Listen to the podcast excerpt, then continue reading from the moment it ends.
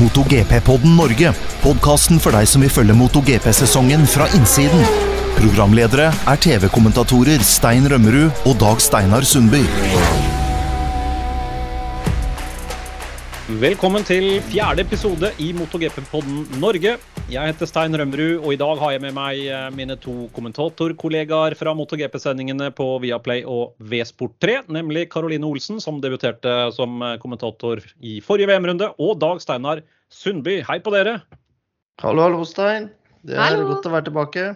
Ja, så bra. I dag så skal vi jo snakke om eh, masse spennende. Vi skal snakke om VM-runden som ble kjørt i påsken, nemlig The Americas Grand Prix i Austin, Texas. Og da er det naturlig at vi kommer innom VM-stillingen etter årets eh, fire første VM-runder. Og vi skal selvsagt også snakke om Portugal Grand Prix, som kjøres nå til helga. Og helt til slutt så skal vi svare på spørsmål fra lytterne våre.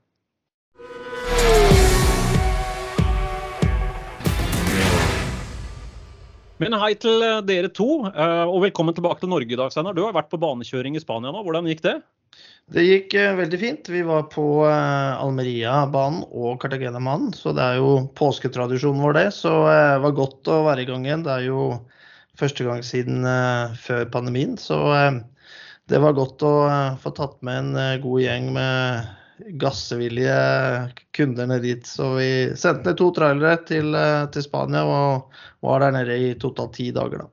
Det klødde vel litt i gasshånda på deg òg, tenker jeg? Jo da, jeg fikk tatt noen runder, både på Almeria og Cartagena-banen, så eh, veldig fornøyd med det. Det var eh, veldig artig å få gassa litt. Og du holdt dekka nederst hele veien? Dekka nederst hele veien, ja. Ikke noe annet enn kneet nedi litt nå og da. Så eh, det gikk fint, det. Ja, det er bra. Jeg tipper tempoet var ganske bra fortsatt. Ja. Og Karoline, velkommen tilbake. Du debuterte jo som eh, MotoGP-kommentator uh, under USAs Grand Prix forrige helg. Hvordan var tilbakemeldingene? Jo, vet du hva. Ingen uh, dødstrusler, holdt jeg på å si. Og et par glipp underveis, det må man bare regne med. Så jeg syns alt i alt så er jeg veldig fornøyd. Jeg håper eh, dere er det også. Ja, ja, absolutt. Altså, det er jo ikke mulig å ha én MotoGP-sending uten noen småglipper underveis. Og det var jo bare litt sånne verbale sidesprang du hadde der, så det, det må vi jo absolutt tåle. Men Det er Halden-sjarmen min, det skjønner du. Ja, ja, det ble litt sånn eh, ble litt halla underveis og sånn, men det tåler vi det. Det er jo hyggelig med, med litt dialekt. Du vet, vi som pleier å ha sendingene, vi er fra Øvre Romerike, så det kan bli både tjukke l-er og, og mye rart her også. Så det, det tåler vi jo absolutt. Ja, det gir litt eh, ekstra krydder, det. Med litt dialekt. Og så syns jeg det er helt, eh, helt innafor at eh, Dag Steinar snakker litt grann om Spania, og så snakker vi ikke noe mer om det. For jeg kjenner jeg er så misunnelig. Jeg jo, har jo vært med Dag Steinar flere ganger til Cartagena og kjørt, og jeg er Jeg kjenner jeg er helt eh, Jeg blir helt dårlig av å snakke om alle som nå er og kjører motorsykkel, og så sitter jeg her hjemme og kjører ingenting. Nei, Ja, da, men vi, skal på flere, vi skal på flere turer i år, Karoline, så det er mange muligheter å være med. Men du, Det rolig gleder meg. Rolig nå, rolig nå, fordi at jeg vet hva som skjer da. Da drar begge dere to og kjører motorsykkel på Mugello eller noe sånt, så sitter jeg stuck alene i studio og skal kommentere MotoGP. Så det, nå, det her kommer vi bare til å slette fra hele podkasten. Men eh, vi skal, eh, vi skal ikke snakke om egenkjøring, vi skal snakke om helt andres eh, kjøring. Fordi det var jo et eh, veldig, veldig bra løp i USA forrige helg. Og det var mange overraskelser der. Men eh, Karoline, det var jo litt eh, ekstra morsomt å ha med deg på den sendinga, for du har jo kjørt løp der uh, sjøl tidligere, og det ga jo sendinga en sånn litt ekstra piff, syns jeg. Um, hvordan syns du løpet ble? Vet du hva, jeg, jeg syns det var så morsomt eh, å få lov til å kommentere fra Kota, ikke minst. Men at alle tre løpa vi så, hadde så mye spenning og så mye bra i seg. Eh, jeg syns det var helt fantastisk. Eh, og MotoGP-løpet, det er liksom fire-fem ting som jeg kunne snakka om veldig lenge, hvor jeg bare wow. Eh, og Kota er jo ikke akkurat kjent for å få frem den beste, mest eh, tighteste racinga. Så jeg syns, eh, jeg syns det var helt fantastisk og morsomt å se tre amerikanere på start i Moto 2-løpet også. Det syns jeg var stas. Ja, det var veldig, veldig spennende det også. Men vi kan jo fokusere på MotoGP-klassen denne gangen her, og det ble jo til slutt en ganske så eh, intens affære da. Men eh, Enea Bastianini tok sin andre seier i år. Den så vi vel ikke helt eh, komme? Nei, og den var jo en taktisk seier til Enea, som eh, kjørte et veldig smart løp, som åpenbart hadde mer å gå på på slutten. Eh, vi så jo Marc Marquez hadde en eh, horribel start og kjørte seg opp gjennom feltet. Men selv om han hadde fått en knallstart, så tror jeg at det skulle blitt vanskelig for han å hanskes med Bastianini og det nivået han kjørte på i helga, for det var veldig mm, imponerende. Dag Steinar, du satt jo i, i, Spania og fulgte det her på, på TV-skjermen. Eh, hva syns du? Jo, jeg må jo si meg enig med, med Caroline og sånn. Det var jo um, Det ble jo et uh, litt merkelig race med det at Marquez missa med noe teknisk feil i starten der, kom så langt bak og hadde jo en vanvittig oppkjøring. Men jeg også tror kanskje det kunne blitt tøft for han med Bastanini, som vi har sett nå flere ganger er veldig sterk på slutten av racet og konserverer dekka sine veldig bra. Og har eh, veldig bra, bra trøkk eh, på slutten også. Han sto jo på andre rekka, femte startposisjon, og etter én runde så var han jo oppe på, på tredjeplass. Han holdt seg på tredje bak uh, Martin, som var to, da, og, og, Miller, som leda første delen av løpet. Og da det gjensto elleve runder, så kjørte han jo forbi og opp på en andreplass. Og etter hvert da Eh, så kunne han utfordre helt på slutten. Det var vel et, da det gjensto fem runder. Da klinka han til og gikk opp i tet og, og, styrte jo løpet derfra og inn. og Det er den andre seieren hans i år. Han kjører på en fjorårs Ducati, men han virker jo veldig moden, da, den uh, unge italieneren. Jeg syns absolutt det. Og han uttalte jo også etter løpet at der, når han merka at Rins kom bakfra, så måtte han faktisk eh, komme seg fremover og styre litt mer av løpet. Da, og skjønte at det, kunne, det kunne by på trøbbel. da. Og med Rins også. Jeg syns det er eh, fantastisk å se etter sesongen han hadde i fjor, da, hvor han krasja fra så mange muligheter som det her, og potensielle pallplasser, så virker det som om han ikke kan få gjort noe feil i år. Altså, så langt så har det vært eh, så å si ja, utrolig bra.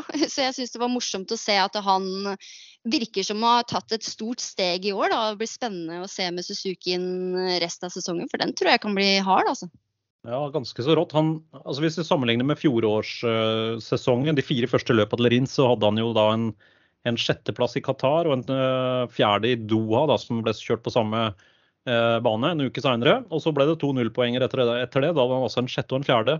Men uh, hittil i år så har han jo tatt poeng i samtlige løp. da, Sjuende i Qatar, så ble det en femte i Indonesia tredje i Argentina og nå en andreplass. Så det, det, går jo virkelig veien nå for Rins. Han er to i mesterskapet og ligger bare fem poeng bak eh, Bastianini. Hva tror du, Sundby? Er det en helt ny Rins vi ser i år? Ja, jeg håper det. At han er litt mer avslappa. Eh, men det som hjelper, selvfølgelig er at de også har mer pulver i Suzuken Suzuki i år. At de, de, er ikke så all in, ja, inn i svinger og den delen, da.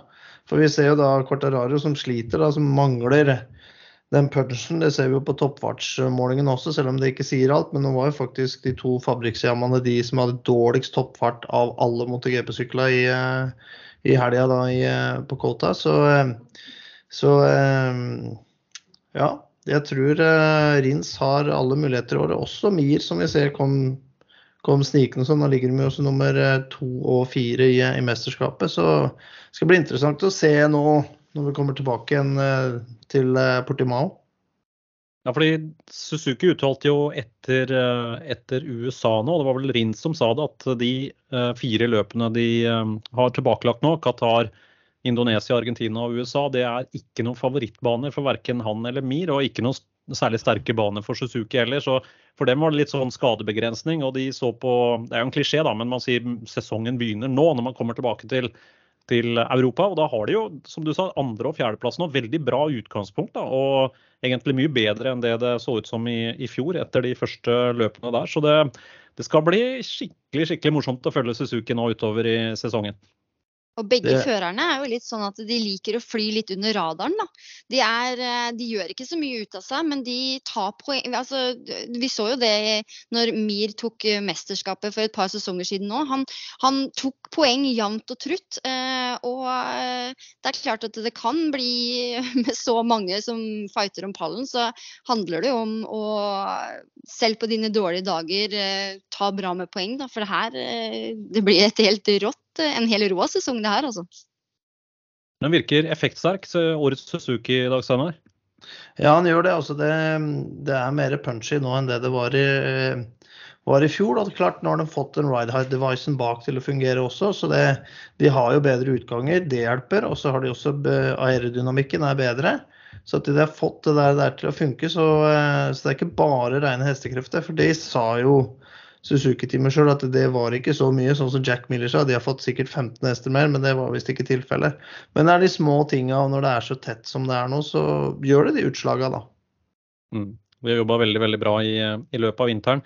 Litt tilbake igjen til Ducati nå, med Enea Bastianini. Han kjører jo for Gressini-teamet i år, og det er på en fjorårs Ducati. og en som er under litt press akkurat nå, det er vel lov å si eh, at det er Jack Miller. Han har jo starta sesongen eh, litt sånn forsiktig, egentlig. En fjerdeplass i Indonesia, 14 i Argentina og nå på pallen. Men han leda jo store deler av løpet, men måtte slippe to mann forbi seg på slutten der. Eh, den fabrikkplassen der, fabrikksetet som, eh, som, Miller har, eh, Dag Steinar, det går jo en del rykter nå om at den kan, den kan være litt på risiko for, for Jack Miller? Ja, det, det, er jo sånn, men eh, han har jo vært under press tidligere også. Men eh, ja, de har jo da både Bastianini og uh, Jorge Martin, da, som kan være uh, de som er aktuelle til å ta over. Men uh, da blir det eventuelt tilbake igjen til Pramak. Han har jo sagt det sjøl også, at det spiller ingen rolle. Selvfølgelig gjør det spiller en rolle, men for han så er det viktigst å holde seg mot GP, tror jeg. Og Karoline, du så litt på kontraktene der foran forrige sending, og Bagnaya han, han har signert?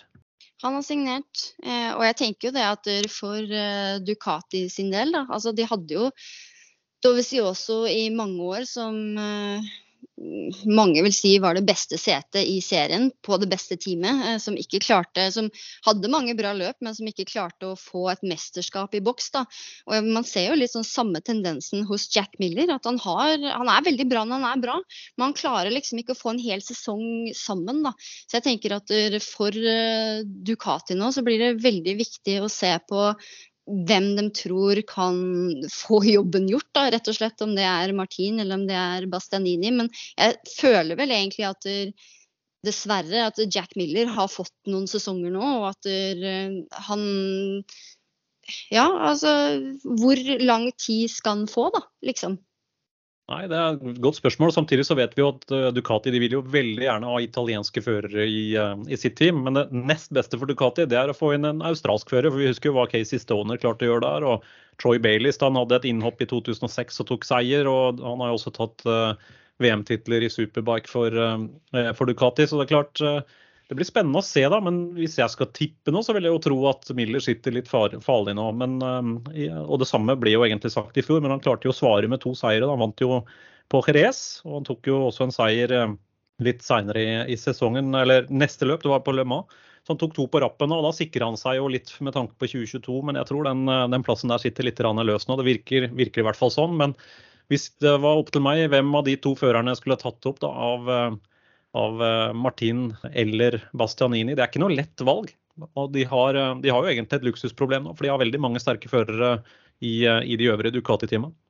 Ja, jeg tror også det vil ha litt å si i forhold til, um, som vi så i fjor, hvor teamplayer Jack Miller var i forhold til uh, Bagnaya. Og hjalp han, og fikk han uh, også fram. Så jeg tror det også er litt med balansen i teamet også, men selvfølgelig eh, Ducati er jo kyniske og de vil jo ha opp til rette. Men jeg tror da ja, det, det spørs hvor bra nå utover sesongen hvor Bastianini gjør det. Eller så tror jeg kanskje valget er på, på Martin, at de ser kanskje det for dem er bedre å ha en italiensk fører og en spansk fører i forhold til marked og populariteten også. Men ja da åtte Ducatier på startplata i år. og Det betyr jo også at det er, en, det er åtte førere som kjemper om VM-poengene i uh, Ducati-læren. Det, det, er jo en svakhet også, da. fordi en fører som Bastianini han er, eh, det er jo ikke, helt sikkert ikke planlagt fra Ducatis side at han skal lede VM nå eller bli en potensiell verdensmester i 2022. Men det han gjør, er jo egentlig å, å ta en del poeng fra fabrikkførerne og fra Pramac-førerne. Så dette var vel det vi snakka om litt før sesongen også, at når det er så mange førere i ett team, så er det, en, det er i seg selv en utfordring. Eller på ett merke, da, så er jo det en utfordring, det også. Hva tenker du, Karoline? Ja, altså De har jo som du sier et luksusproblem. da. Ehm, for en fører som f.eks. Quartararo, da, som eh, nå har liksom sin kontrakt litt opp i, opp i, lufta, så er det klart det er vanskelig å komme inn på Ducati når de har så mange egne bra prospekter. da. Det som blir spennende å se, er jo det at vi ser jo som regel utover i sesongen at utviklinga på 2022-syklene ligger mye lenger foran. Da, at altså, Ducatin som Bastianini sitter på, at den er, den er, ready to go. Den Den er klar fra i fjor. Og, men, men, der vil også utviklingen stoppe litt. Da, at det vil være um, at det vil være Jack Miller og dem som får eh, mest hjelp og støtte og får mest nye deler i form av utvikling da, gjennom sesongen. Så det blir spennende å se hvordan det også påvirker. Men det er klart at det er jo viktigst for Jack Miller å ha en bra første halvdel av sesongen. For vi ser jo hvor tidlig teama ofte signer førere. Da. Så det er klart at det haster litt med å bevise at han fortjener den plassen. Mm. Det vil jo komme en del eh, løsninger nå framover. Den silly season-sesongen er jo i bånn gass akkurat nå. Og Apropos det, så er det jo fjorårets verdensmester Fabio Quartararo. Veldig mange spør om hva eh, De spør rett og slett hva han kommer til å gjøre fremover. fordi han er jo veldig misfornøyd med, med situasjonen nå. Han er fem etter de fire første løpene i år. Vært på pallen bare én gang, og det var jo i Indonesia. Og han klager jo på at det har vært for lite utvikling nå hos Yama fra fjorårssesongen og fram til nå ser jo ut som han sliter litt på de raskeste banene. Dag Steinar, toppspeed, Yamaha. Hva tror du? Er Quartararo så frustrert nå at han begynner å se seg om etter en, en annen kontrakt? Jeg tror de har veldig eh, alt åpne kort nå, liksom sånn med å, å, se hva muligheter det er. Men jeg tror for Quartararo så er det vel, eh, hvis den skulle bytte team eh, eller merke, så er det vel enten Honda eller Ducati som jeg tror er aktuelt. Selv om vi ser at Suzuki er sterke. Aprilia har også vært sterke, men de har ikke den, eh, den backupen rundt. De, jo, eh, de har ikke noe eh, satellitteam til å være med og teste og utvikle, sånn som hastigheten går for, særlig for Ducati nå. Da. Og så er, de, da er det jo plassen til Pål Espargaro som kanskje er litt, er litt, i risiko for han. Jeg tror de selvfølgelig beholder de Marcus så lenge de kan, men det er også litt usikkerhet rundt han. De ser kanskje litt også etter Marques de har måttet begynt å gjøre det, noe de ikke har gjort tidligere år, før han eh, ble borte og ute med skade. Ja, det der, blir, eh, det der blir veldig spennende å følge med på. For, Quartararo sin del, så det er klart han vil jo ha en kontrakt der han har best mulig mulighet til å, til å fighte om en ny tittel. Det ser ikke ut som han er konkurransekraftig nok i år. Og hvis vi ser på merkekollegaene hans også, så er det jo det er litt strekk i laget her, da. Han er som sagt fem i mesterskapet så langt. Vi har eh, Morbidelli, han er jo nede på 15. Og Dovi 21. Ja, Darren Binder uh, han er jo også nede på 19., så det er, jo, det er, jo, langt ned her. Hva tenker du Karoline, den uh, situasjonen hos Yama? Det, det er, ser jo ikke så lyst ut? Nei, det gjør jo ikke det. Altså, det er jo litt uh, Jeg vil si at det er litt dilemma, da. For som du var inne på i helga, Dag Steinar, så er det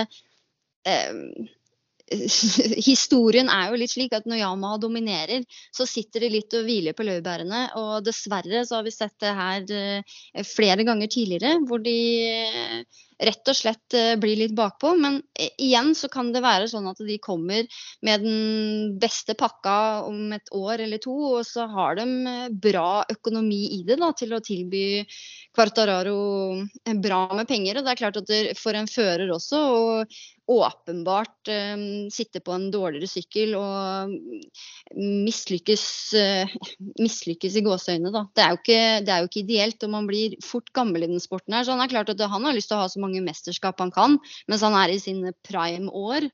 Um, samtidig som at det kan være veldig taktisk òg fra hans side å gå ut med misnøye og fiske etter andre team uh, i form av forhandlinger mot neste år. Så det er, liksom, det er mange aspekter å tenke på i den situasjonen her. Hans uh, manager Erik Mahé han uttalte jo på fredagen i USA at de er i samtale med flere team nå. De holder alle dører åpne og er egentlig åpne for, for det meste, så de sjekker ut nå hvilke muligheter Quartararo har fremover. Jeg blir overraska hvis Quartararo velger å, å nå, for det er klart Han legger såpass tungt press på Yamaha nå at de vil helt sikkert gjøre det de kan for å komme tilbake i 23 med en mer konkurransekraftig sykkel. og Jeg tipper den kontrakta er ganske bra. Og For Yamaha vil det jo være et kjempeproblem. Hvis Quartararo går nå, så har de jo ingen av de tre øvrige førerne som kan ta over den rollen i teamet, ser det ut som, i øyeblikket i hvert fall. Så det vil, jo, det vil jo skape et stort problem for dem. Og de vil, vil helt sikkert åpne den store lommeboka for å prøve å unngå at det, det der skjer. Uansett eh, veldig spennende tider. Um, en annen fører som vi kanskje er litt skuffa over i starten, her, det er jo Jorge Martin. Han har kjørt utrolig bra på kval. Han har jo nå to pole og to andreplasser på kval. Men det blir jo liksom ikke de helt store løpsresultatene. To nullpoengere. Han krasja jo i Qatar. og han ble jo tatt ut av Bagnaya der. Krasja også i, uh, i Indonesia. Og så en andreplass i Argentina, åttende i uh, USA. Så han er jo langt ned på lista nå, tiendeplass. Uh, så han må vel begynne å få omsatt disse fantastisk gode kvalikene sine til bedre resultater, Dag Steinar? Ja, han, han, må det klart i ja, den første racet så ble han jo tatt ut, som du sa. Og så andre så uh, gikk han jo over ende på, på Reinvoll-baner i Indonesia. Og så uh, glimte han til i Argentina, det var veldig bra. Men jeg veit ikke om han gikk litt tom for krefter når vi var i USA. Men så virka det litt som at de, både Sarko og han også sleit litt med, med driven på og utgangene og hastigheten på sykla også, egentlig. Sånn eh, virka ikke som det var samme, samme punchen, på en måte. Han lå jo som to i løpet de første elleve rundene, og så var det jo fra runde tolv det begynte å gå feil vei for Frans mm. der. Han var nede på fjerdeplass etter runde tolv, og så eh, gikk han jo videre ned. Han var vel eh, ja, sjette-sjuende etter runde 14. Og, og, endte jo da til slutt på en, eh, på en åttende var det vel i løpet. da, Så det går, det går litt sånn feil vei eh, der i går nå. Han har, jo på, han har jo veldig konkurransekraftig materiale, men han må begynne å levere nå. Men det er klart, nå kommer han til en bane neste helg, da, som eh, han har litt dårlige minner fra i Portugal. Men det skal vi komme litt mer tilbake til seinere i, i podkasten. Hva tenker du om Martin, Karoline? Nei, altså jeg har jo veldig sansen for han. Jeg syns han er en uh, herlig fører. Men han har jo uh, Han har jo skuffa når det kommer til race, da. Og det er klart at én uh, runde raskt, det får deg bare til førsterekka på start. Men det er, det er klart han ligger langt bak nå. Han hadde jo hatt litt muligheten til å skinne, nå som Bagnaya har slitt litt i begynnelsen av sesongen. Da. Så hadde jeg liksom litt forhåpninger til han, men Nei, det, det er vanskelig. Jeg, jeg, leste en artikkel etter helga at det er jo ikke bare, bare for disse Ducati-teama heller, hvor de åpenbart har sterke sykler. Men altså, med mer pulver i sykkelen så kommer det jo også problemer med tanke på eh, bruken av fuel. Altså at de rett og slett går litt tomme mot slutten av racet. Og det er klart at det, det, er, det, er, ikke bare å gi full øs hele veien, så det er nok litt eh, Eh, finjusteringer som må til da, på den nye sykkelen. Det ser jo ut som det flytter seg i riktig retning. i hvert fall. Vi så uh, nå i forrige VM-runde her at uh, vi har, uh, ja, at det jevner seg litt ut også for, de, for, årets Ducati. Vi hadde jo Jack Miller på en tredjeplass, og det ser jo ut som, som det begynner å gå veien. Han var bare 2,3 sekunder bak Enea Bastianini over, over, mål, så jeg tipper jo at Ducati nå begynner å få finjustert inn den 22-utgaven. At den vil bli veldig mye sterkere når vi kommer Eh, på de europeiske rundene framover. Men uansett, da, løpet i eh, USA det endte jo da med at Enea Bastianini vant. Han uh, vant med ca. to sekunders avstand til Alex Rins på Suzukien, som kom veldig sterkt på slutten da. Begge de to disponerte jo kreftene og dekka veldig bra, kom sterkt på slutten. Jack Miller, som leda mesteparten av løpet, han ble jo nummer tre til slutt. Han var 2,3 sekunder bak Bastianini. Deretter Mir eh, Bagnaya og Mark Marquez. Han kjørte jo opp til en sjetteplass. og Vi har ikke snakka så mye om det, Dag Steinar. Du var jo så vidt innom det. Men han strula det jo til veldig i starten sin, eh, Mark Marquez. Hva skjedde ja, der? Ja, nei, Det var noe teknisk feil på, på dashbordet, var det vel, som eh, så det datt ut. Så vi trodde først det var pit-limiteren han hadde vært bortpå, men det var jo litt mer enn det. Men så heldigvis så kom dette her, elektronikken og dette i seg sjøl igjen da, etter sving én eh, der. så da var den jo i gang. Og da så vi jo det gamle Mark Marquez når det gjelder å kjøre forbi og kjøre seg opp i feltet i det selskapet der. Det er jo ikke så mange andre enn han som eh, klarer å, å, gjøre det på den måten. Så der er han jo i en klasse for seg sjøl. Og Kota er jo en ekstremt fysisk bane, så det er klart at det, det kosta litt det for en Mark Marquez som på en måte har vært uh, ute av det et par løp nå og kommet tilbake. Uh, men det var dritkult å se han ha den fighten med Quartararo for sjetteplassen. For da følte jeg liksom at da så vi hvorfor Quartararo og hvorfor Mark Marquez har vunnet mesterskap tidligere. De uh, slåss som om det skulle vært om seier. Det var morsomt å se. Ja, for Marquez han var jo ni på kval, og etter første runde da, så var han jo ned på jeg tror det var 18.-plass. Og så begynte han å kjøre seg opp da, og endte jo til slutt på sjette i, i, løpet. Det var mange bra fighter underveis. Jeg har sett litt på de onboard-bildene fra det løpet han har kjørt. Det var en del litt rufsete forbikjøringer også underveis. for Han hadde det, han hadde det travelt, men uh, du verden kom seg helt opp på en, på en sjetteplass. Men Det blir jo bare spekulasjoner, selvfølgelig. Men med en perfekt start da, fra tredje rekka, og han hadde vært med i, i tetgruppa fra starten av, hadde han vært på pallen, tror dere? Ja, jeg tror det. Mm. Det er Mark Marquez, og det er Kota. Og jeg føler at selv på en, eh, på en, dårlig dag, så tror jeg Mark Marquez eh, er med og fighter om pallen. Ikke noe tvil. Eh, I mitt hode, i hvert fall. Han er jo helt rå på den banen der. Eh, og når du sier litt rufsete forbikjøringer, igjen, det er Mark Marquez. Vi forventer jo ikke noe annet. Så nei, det hadde vært, eh, det hadde vært kult å sett hva han kunne gjort med en skikkelig bra start. Men samtidig så følte jeg at vi fikk et eh, dritkult race, og det var morsomt å se han komme fra helt sist inn i første sving til en uh, veldig solid sjetteplass. Og Med det så runder vi av uh, akkurat den delen som går på forrige VM-runde. Nå skal vi se på hvordan uh, VM-tabellen ser ut etter fire kjørte løp.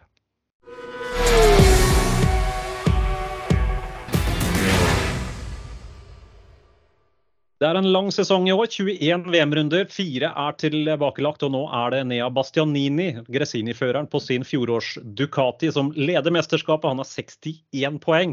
Det er fem mer enn Alex Rins på Suzukien, som igjen er seks eh, poeng foran Aleish Espargaro. Så her er det god spredning. Det er Ducati først foran Suzuki, og deretter en Aprilia. Før Johan Mir, da, verdensmesteren fra 2020, er på en fjerdeplass, også han på en Suzuki. Mens fjorårets verdensmester Fabio Quartararo han har 44 poeng hittil. Så her, her, har det kommet noen overraskelser, men Dag Steinar, veldig jevnt eh, fortsatt i eh, VM-tabellen. Ja, det er det. Det er veldig jevnt, eh, som du sa der, sånn da, mellom de første da, 61, 56 og 50 poeng. Og så er det jevnt nedover også, så jeg tror vi kommer til å få se mye forandringer og hvem som er i føringa av mesterskapet nå i de neste rundene. og jeg det og at det er en fører som begynner å dra ifra litt. Men sånn som det har vært til nå i år, så ser det ikke ut som at det skal skje med en gang, faktisk. Nei, for det er jo veldig spredd. Hvis vi ser på de første tolv pallplassene som har blitt delt ut uh, i år, det er jo tre på hver VM-runde selvfølgelig, tolv alt i alt, så har vi hatt ti forskjellige førere på de tolv pallplassene. Det, jo, det sier jo litt om bredden i mesterskapet, Karoline? Jeg syns det er kjempekult. Eh, og ikke bare det. Hvis vi ser på sammenlagten, da, så er det jo fem forskjellige fabrikanter blant de seks eh, på toppen. Og det er det lenge siden jeg har sett.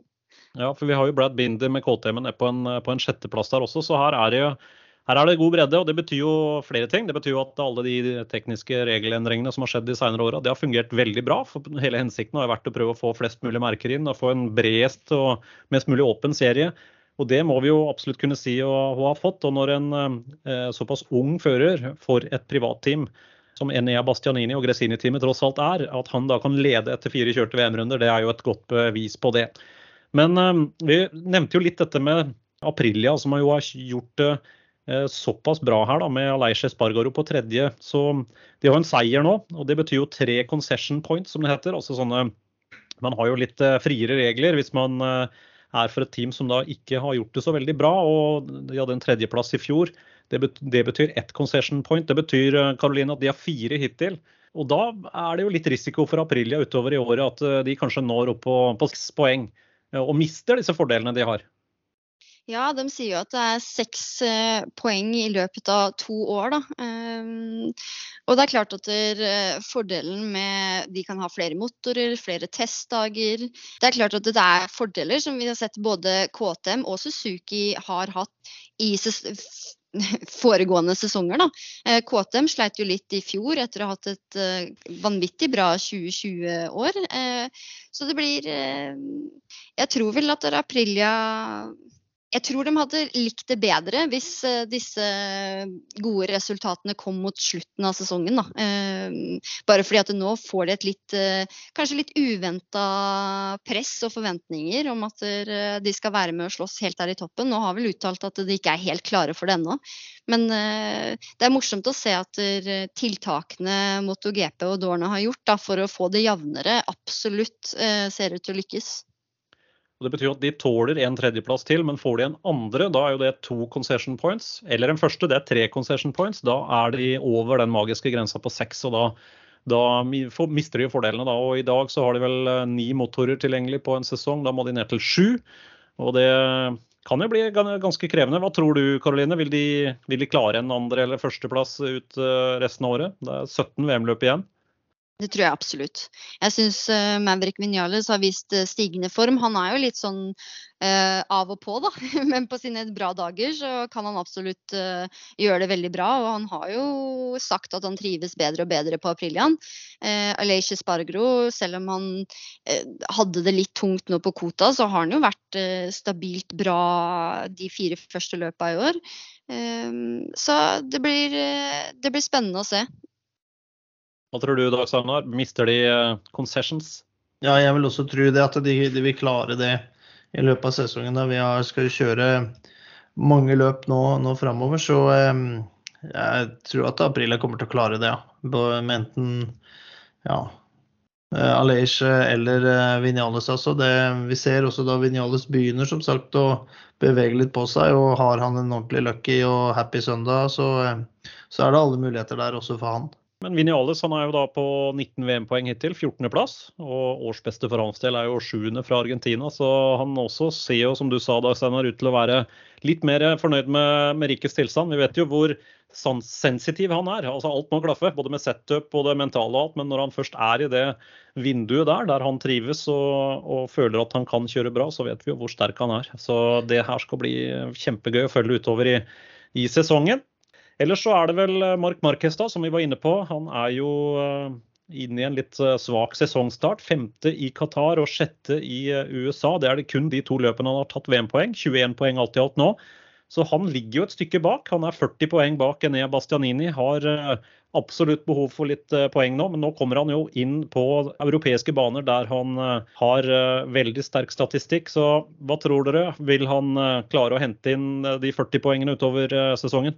Det er vanskelig å si. Han, eh, vi veit jo hvor god han har vært. Eh, om han kommer tilbake der og kan levere det samme som han gjorde tidligere, det, det gjenstår å se. For han har jo, eh, når han har vært på vei tilbake igjen, så har han jo også skada seg på nytt, dessverre. Så vi får håpe at han holder seg skadefri nå også. At vi får se hva han kan prestere. Vi veit jo hva han står for. så det blir interessant. og de, de, andre skal jo ikke gjøre mye feil og få noen nullpoengere før det her jevner seg ut det er som Dag Steinar sier, eh, hans største utfordring nå er jo at han eh, Skulle han få en stor krasj igjen, eh, så kan han bli satt ut i lang tid og verre er, holdt jeg på å si. Så det er klart, spørsmålet blir hvor aggressivt han velger å angripe resten av sesongen. Da, om han på en måte prøver å føle seg litt frem til han får litt bedre feeling med Hondaen. Eh, eller om han Han er jo ikke kjent for å spare på noe, den mannen. Så jeg tror litt eh, Det kommer litt an på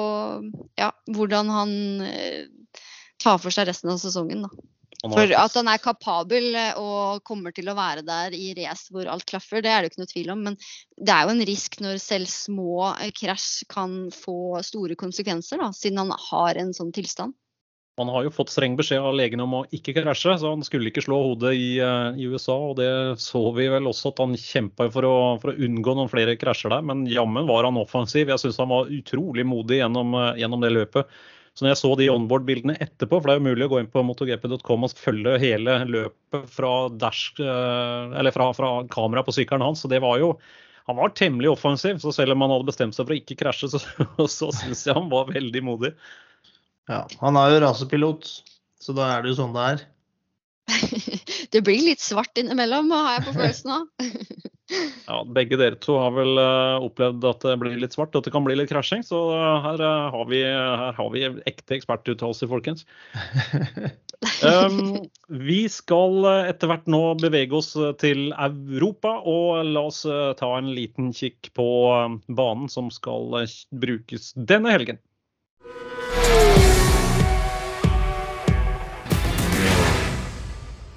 VM-runde nummer fem skal kjøres eh, allerede nå til helgen. Og det er eh, Portimao-banen i Portugal. Den er 4592 meter lang.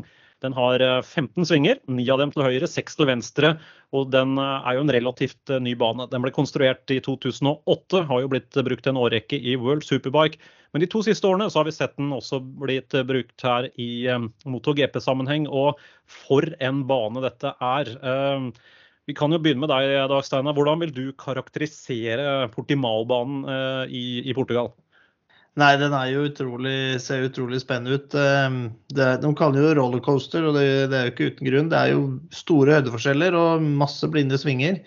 Så jeg eh, tror jeg er en skikkelig tøff bane å kjøre på. Utfordrende. Du ser føra De får jo aldri hvile. Selv om det er eh, relativt lang rekkstrekk der, men det går jo først opp, og så er det oppe på platå, så stuper det ned da i T1. Så med MotoGP-sykkel så blir alle langsider korte. Ja, vi så en toppspeed på godt over 350 km i timen der i fjor med, med Sarko. og det er jo en høy snitthastighet her. Den eh, all time record den satte jo Fabio Quartararo i fjor da, på 1.38,86. og Det tilsvarer et snitthastighet på 167 km i timen, så det går jo fort. Det er en Froll-bane. Ja, Karoline, hva, hva, tenker du om den banelayouten i Portugal? Eh, jeg er jo veldig fan av litt sånne raske baner med mye flyt, så jeg skulle gjerne hatt muligheten til å kjøre der selv. Ja. Men det er jo en, en, bane som er utrolig bred, og som Dag Steinar sier, med store høydeforskjeller. Eh, utfordrende i form av mye blinde svingninger. Det er klart at der, eh, her har vi sett noen skikkelig gode race tidligere, så jeg, jeg gleder meg. Jeg tror det er og ut ifra tilbakemeldingene fra førerne òg, så er det en morsom, veldig morsom bane å kjøre på.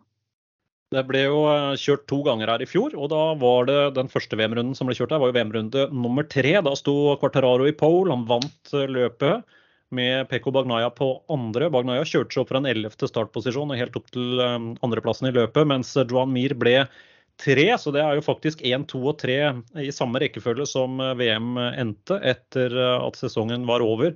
Quartararo vant jo VM foran Bagnaya og Mir, og det var også de som sto på pallen i i løp nummer én her for eh, et år siden. Men så kom jo banen tilbake igjen på kalenderen, for det ble jo en sånn pandemisesong også i fjor. og Man måtte endre på veldig mange av løpene. og Etter at uh, VM-serien hadde vært i USA, så ble det jo først kjørt en, en andre runde på Misano. For å så komme tilbake igjen hit til, til Portimao. Og i det andre løpet i Portimao, det som ble kjørt da helt på slutten av sesongen i fjor, den nest siste VM-runden, der sto Peko Bagnaya i pole, og han vant også løpet. Han var jo råsterk på slutten av sesongen i fjor, så han kom jo hit med eh, bagasjen full av gode minner fra, fra Portimao. Eh, Andremann i det løpet det ble Joan Mir. Han sto på første rekke, han også, tredje startposisjon.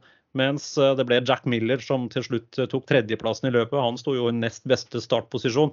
Så i fjor hadde vi også to forskjellige vinnere her. Det var Cartararo som vant fra pole i det første løpet, og det var Bagnaya som vant fra pole i andre løpet som ble kjørt her i Portugal.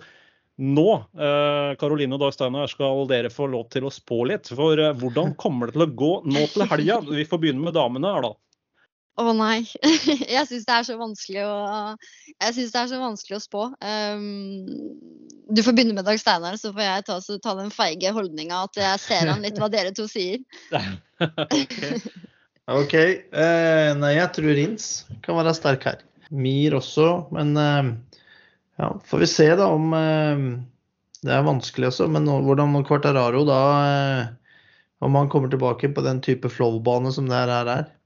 Mm, for den, den skulle jo passe, passe Yaman kanskje ja, bedre? Ja, det er jo det. Yaman lider ikke så mye eh, når man eh, har høy hastighet ut på, på langsida der toppfartene gjelder. Så eh, jeg tror ikke han, eh, han, har bedre mulighet her sånn enn det kanskje har hatt på de banene som har vært, eh, vært nå, hvor det er eh, Særlig da på Kota, hvor det er stop and go ut på, på langsida der. Det er ikke det som er Yamas sterkeste side. Ja, Karoline, nå har du fått eh, tenke eh, altfor lenge. Nei, vet du hva. Jeg er jo som Dag Steinar veldig fan av Rins. Da. Han har jo vist en eh, formstigning som har vært utrolig bra. Eh, men basert på litt tidligere historikk òg, så tror jeg jo at det hadde vært kult om Bagnaya fikk et bra løp den helga her. Han ligger nede på en tolvteplass, han har bare 23 poeng. Ehm, så det er klart at eh, hvis det er lov å håpe at enda en skal blande seg i fighten om seier, så hadde det vært veldig kult å se Bagnaya skinne litt den helga som kommer. Mm. Det, jeg, jeg, tror også at uh, altså Dette er jo en flytbane, og det, vi vet jo at både Suzuki og Yama er gode på sånne type baner. Uh, så jeg er ikke overraska hvis Quartararo kommer litt sterkere tilbake nå. Han er nok ganske tent, og han har nok lyst til å vise at han har tempo til å være med og fighte helt i toppen.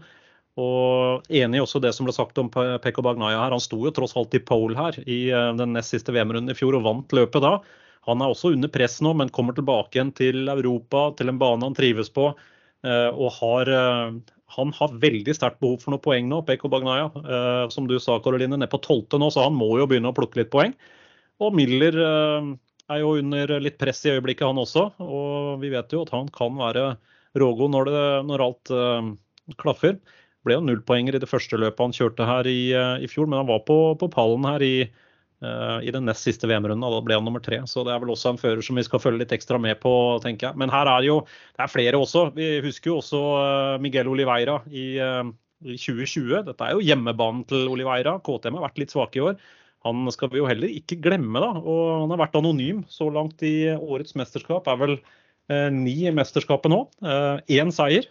Det var jo i Indonesia på vanskelig underlag. Eh, det ble jo litt fiasko her på hjemmebane i fjor, eh, men den seieren som han fikk her i 2020, den, den kommer jo portugisiske fans alltid til å huske. Det å vinne som eh, hjemmefører eh, på en, en ny bane på VM-kalenderen som det var da, det, det, hadde jo aldri skjedd i portugisisk historie før.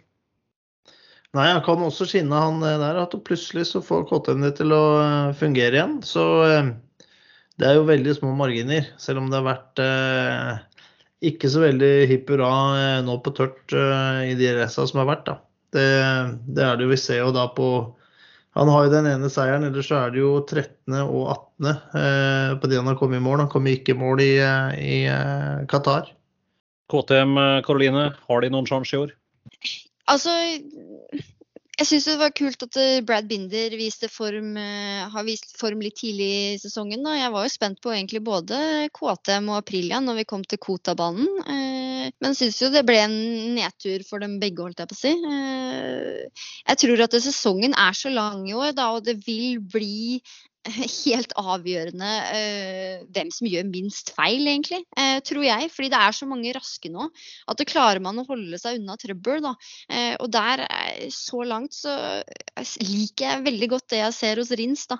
Men jeg føler at det både at KTM har litt å bevise ennå. Altså, selv om Oliveira fikk en hadde, hadde, en seier, så var det på trikk i underlag. Og der er det litt sånn gamble om hvem som har dagen. så litt mer eh, konsekvent bra plasseringer vil jeg gjerne se. Det som er helt sikkert, det er at vi kommer til å ta feil alle tre. Fordi eh, virkeligheten den pleier å møte oss med et smell på søndagen. Men eh, de som Og vi har, har jo fortsatt å... ikke, og beklager at jeg avbryter det her, men vi har jo heller ikke nevnt Marc Marquez. Som eh, jeg føler er Altså, hvem Marc Marquez er det vi vil se på Portimao? Jeg føler at det er sånn ekstra spenning rundt det, da. Og at det på en måte vil sette litt standarden på hvordan han vil Altså, for Kota er alltid kvota. Eh, mens eh, nå starter liksom ja, som du sier, Stein, resten av sesongen. Da, eh, og hvordan vil tilnærminga hans være? For det er klart at hvis han nå er smart, altså si at han kommer av gårde med en femteplass på Portomao, da, eh, så er jeg mer redd for Marc Marquez i sammendraget enn hvis han viser eh, enormt med fart og den aggressive kjøringa som vi kjenner han. Hvis vi ser en smart Marc Marquez på Portomao nå i helgen, så tror jeg at vi må være veldig bekymra. Og da sitter sikkert de av lytterne våre som uh, hadde håpa å få et sånt eksperttips her, og skal sette penger på hvem som vinner og sånn. De sitter og river seg i håret her nå, for nå har vi nevnt nesten alle 24 førerne som skal stå på startstreken i helga. Men det viser jo også egentlig en ting, og det er at det, eh, denne sporten den vil jo alltid by på overraskelser. Hadde det vært sånn at vi kunne dele ut premien på forhånd, da hadde det jo ikke vært noe morsomt. Så her, eh, her, må vi regne med overraskelser, og det er vel det eneste vi kan garantere. Det vil komme overraskelser, og det vil bli et bra løp i Portugal. Sendingen den begynner jo med norsk kommentering da på lørdag, og da begynner vi med Q1 i Moto 3-klassen. Den sendinga begynner 13.30 på lørdag, så går det slag i slag utover. Moto GP-kvalen begynner eh, ved tretida, eller 15.10 for å være helt nøyaktig. På søndag så er det løp, som alltid, men det blir jo en litt annerledes rekkefølge den gangen her. Det er Moto 3 først, og det løpet det går 12.20. MotoGP-løpet starter 14, mens Moto 2 skal få lov til å avslutte showet fra Portugal. og Det løpet begynner 15.30. Det skal gå live på Viaplay og V-Sport 3, som alltid.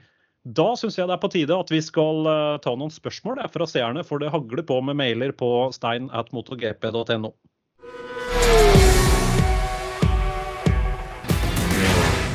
Mailboksen eh, stein at motogp.no den blir brukt ganske hyppig. Vi har fått flere spørsmål fra lyttere og seere Karoline og Dag Steinar. Bl.a. Eh, et spørsmål her som går på dette med antall merker i eh, MotoGP. For nå I år så har vi jo tre japanske og tre europeiske merker, men det finnes jo også flere potensielle. F.eks. Kawasaki og BMW. Er det noen planer om å utvikle sykler, starte team i MotoGP fra noen av de? Bl.a. Øyvind spør om, om det, og, og, om BMW. Hvem har lyst til å kaste seg på den? Jeg eh, kan ta litt på det. Jeg tror ikke det. Eh, sånn som Kawasaki har jo eh, valgt å satse i World Superbike, legge alle ressurser der, i, og har rett og slett ikke økonomien til å satse i eh, å være med på den utviklinga det som er nødvendig i MotoGP. Og eh, BMW også samme der. De eh, nå satsa i World Superbike noen år, og det har gått sånn, ja, sånn rimelig greit. Og eh, vi ser allerede i år så sliter de litt med å henge med i, i, World Superbike. Og det steget opp i MotoGP er, er, så stort og koster så mye, så de kommer vi nok ikke til å, å, få se der med Det er ikke noen planer om det. Det BMW også lagt en, god del ressurser i, i, World Endurance. Så med team der sånn, så det blir nok der en, en god stund fremover. Jeg tror ikke det er noen planer om å prøve å komme seg inn i MotoGP. Uh, vi har fått et annet spørsmål her. Det er fra Jan. Han, spør, uh, han sier følgende. Jeg har blitt helt hekta på MotoGP. Følger spent med hver helg det er løp. Trening på fredag, kvalik på lørdag løp på søndag. Spennende. Jeg lurer på flere ting. Det er mye snakk om oppsett, altså setup på sykla. Hva og hvor mye kan justeres før løpet på søndag, og hva kan gjøres underveis? Det er et ganske omfattende spørsmål. Uh, Dag Steinar, har du lyst til å prøve deg litt på den der? Jo, kan jo det. det er jo, de kan jo gjøre vanvittig mye. men hovedsak så er det jo den eh, det vi kaller mekaniske balansen på sykla.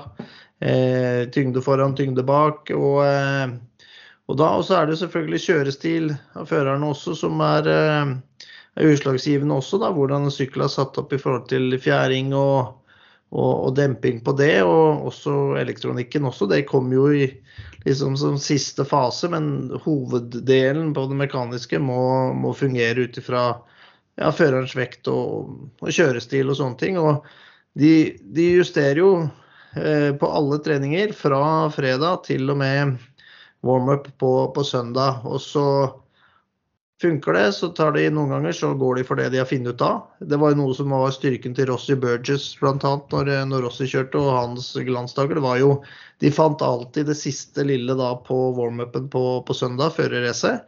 Sunday Magic. Yes. Og um, men underveis i, eh, i racet så får de, ikke, får de, ikke, gjort noe. Kan du si Det vi, vi ser på elektronikkoppsett, er at de har forskjellige effektkurver og sånn på de forskjellige stedene på banen. Og så noen ganger så går det gærent, som vi så med Jack Miller også tidligere i år, at det ikke stemmer. GPS-signalet stemmer ikke med elektronikkoppsettet, så plutselig hadde den eh, ja, kanskje 70% effekt på langsida og fullt eh, effekt på de mest tekniske partiene hvor man kanskje ikke trengte så mye effekt.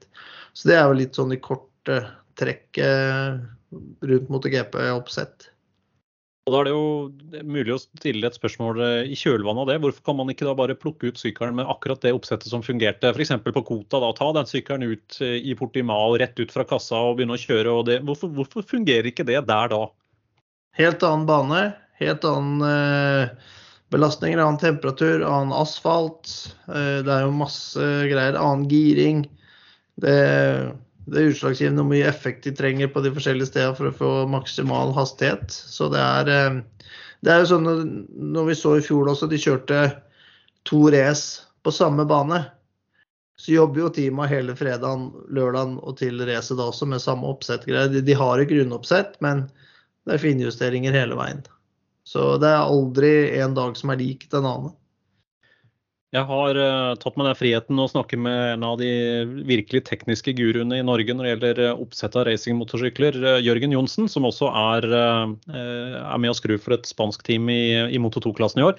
Han har sagt at han, han, blir gjerne med på en litt mer sånn teknisk podkast hvis vi skal snakke mer om det, både når det gjelder ride height devices og ikke minst hvordan det er å skru på en, på en Calex med Triumph-motor. Så det gleder jeg meg veldig til. Så vi skal invitere Jørgen inn på en senere sending sending da vi skal dypnerde i, i et setup. Det blir, eh, blir, veldig gøy. Så eh, hvis dere har lyst til å være med på det, så, så er dere hjertelig velkommen til å være med på litt nerding, dere også. Da tipper jeg at jeg kommer til å lære mye, for jeg merker at det, det tekniske på sykkelen og Jeg syns det er veldig spennende, men kan altfor lite. Ja, da, ja, det... det, da, må du være med og, og, lære. Så skal jeg bli med og lære, jeg også. Ja, vi trenger vel alle det. Få litt uh, input ifra Jørgen. Det gleder vi oss til. Det gjør vi. Det er bra. Vi rekker eh, et eh, lite spørsmål til her. Det er dette med drivstoff som hvert eh, team bruker. Er det racefuel, eller er det en form for pumpebensin som brukes, spør Tom Rune. Ja, det er, det er racefuel. Det, det, er det. det er, og de er forskjellige leverandører. Det er ikke pumpebensin. Det er, er spesialfuel som er, er laga til de forskjellige syklene. Og vi veit jo nå, altså også tidligere, og det gjør de også fremdeles, at uh, Ducati har jo utvikla racefuel sammen med Shell, bl.a. Uh, nå ser vi KTM har begynt med den nye typen mer syntetisk fuel. Og det kommer jo mer og mer. Det er jo et, er et to år til. Alle skal over på den type syntetisk uh, fuel. Så, så, det er mye som skjer på den, den delen også. Det er det, men det er ikke, ikke pumpebensin. Vi har jo sett noen motorsykler også gå tom for drivstoff på innrunden etter løpet. og Det er jo et spørsmål vi har fått tidligere, og det kan vi jo ta opp igjen nå. det er dette med, Hvis man da skal sjekke at det ikke jukses med fuel, så må det jo være nok fuel på tanken til at man får tatt kjemiske prøver. Jeg spurte um, vår kommentatorkollega Simon Crafar om det, og han fortalte at det er jo en, eh, det er jo skum, altså sånn, eh, nesten som eh, skumgummi inni disse tankene for å, kunne, for å hindre brannfare og søl. Og det ligger nok drivstoff igjen i den skummet til at man kan kryste ut det man trenger for å ta en, en drivstoffprøve etter, etter, målgang, selv om sykkelen ikke klarer å, å trekke til seg bensin så motoren går.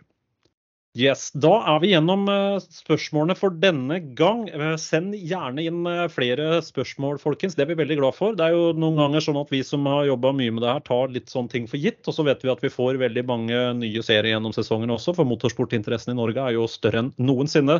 Så her er det ingen spørsmål som er for dumme, og det kan helt sikkert stille noen spørsmål som er for vanskelige for oss, men da må vi jo klare å finne noen eksperter som kan hjelpe oss med det, hvis, vi, hvis det er utenfor vårt kompetansefelt. Men uansett, send mail på stein at motogp.no, så skal vi ta med de spørsmålene som vi mener er mest eh, relevante. Og med det så skal vi eh, gå inn for eh, landing. Jeg håper jo at vi ses på Viaplay og V-sport 3 til helgen altså. Vi takker for at du lytter på podkasten vår, og vi blir jo veldig glad hvis du trykker på følg på siden, og enda gladere hvis du sender den linken her videre til andre racingfans, altså linken til podkasten. For her er det nemlig veldig god plass til flere lyttere. Vi håper at vi ses på Viaplay og V-sport 3 eh, til helgen. Og inntil da, nå er jo våren i gang. Kjør vakkert, men safe alle sammen. Ha det bra. Du har hørt MotoGP-podden Norge med programledere Stein Rømmerud og Dag Steinar Sundby.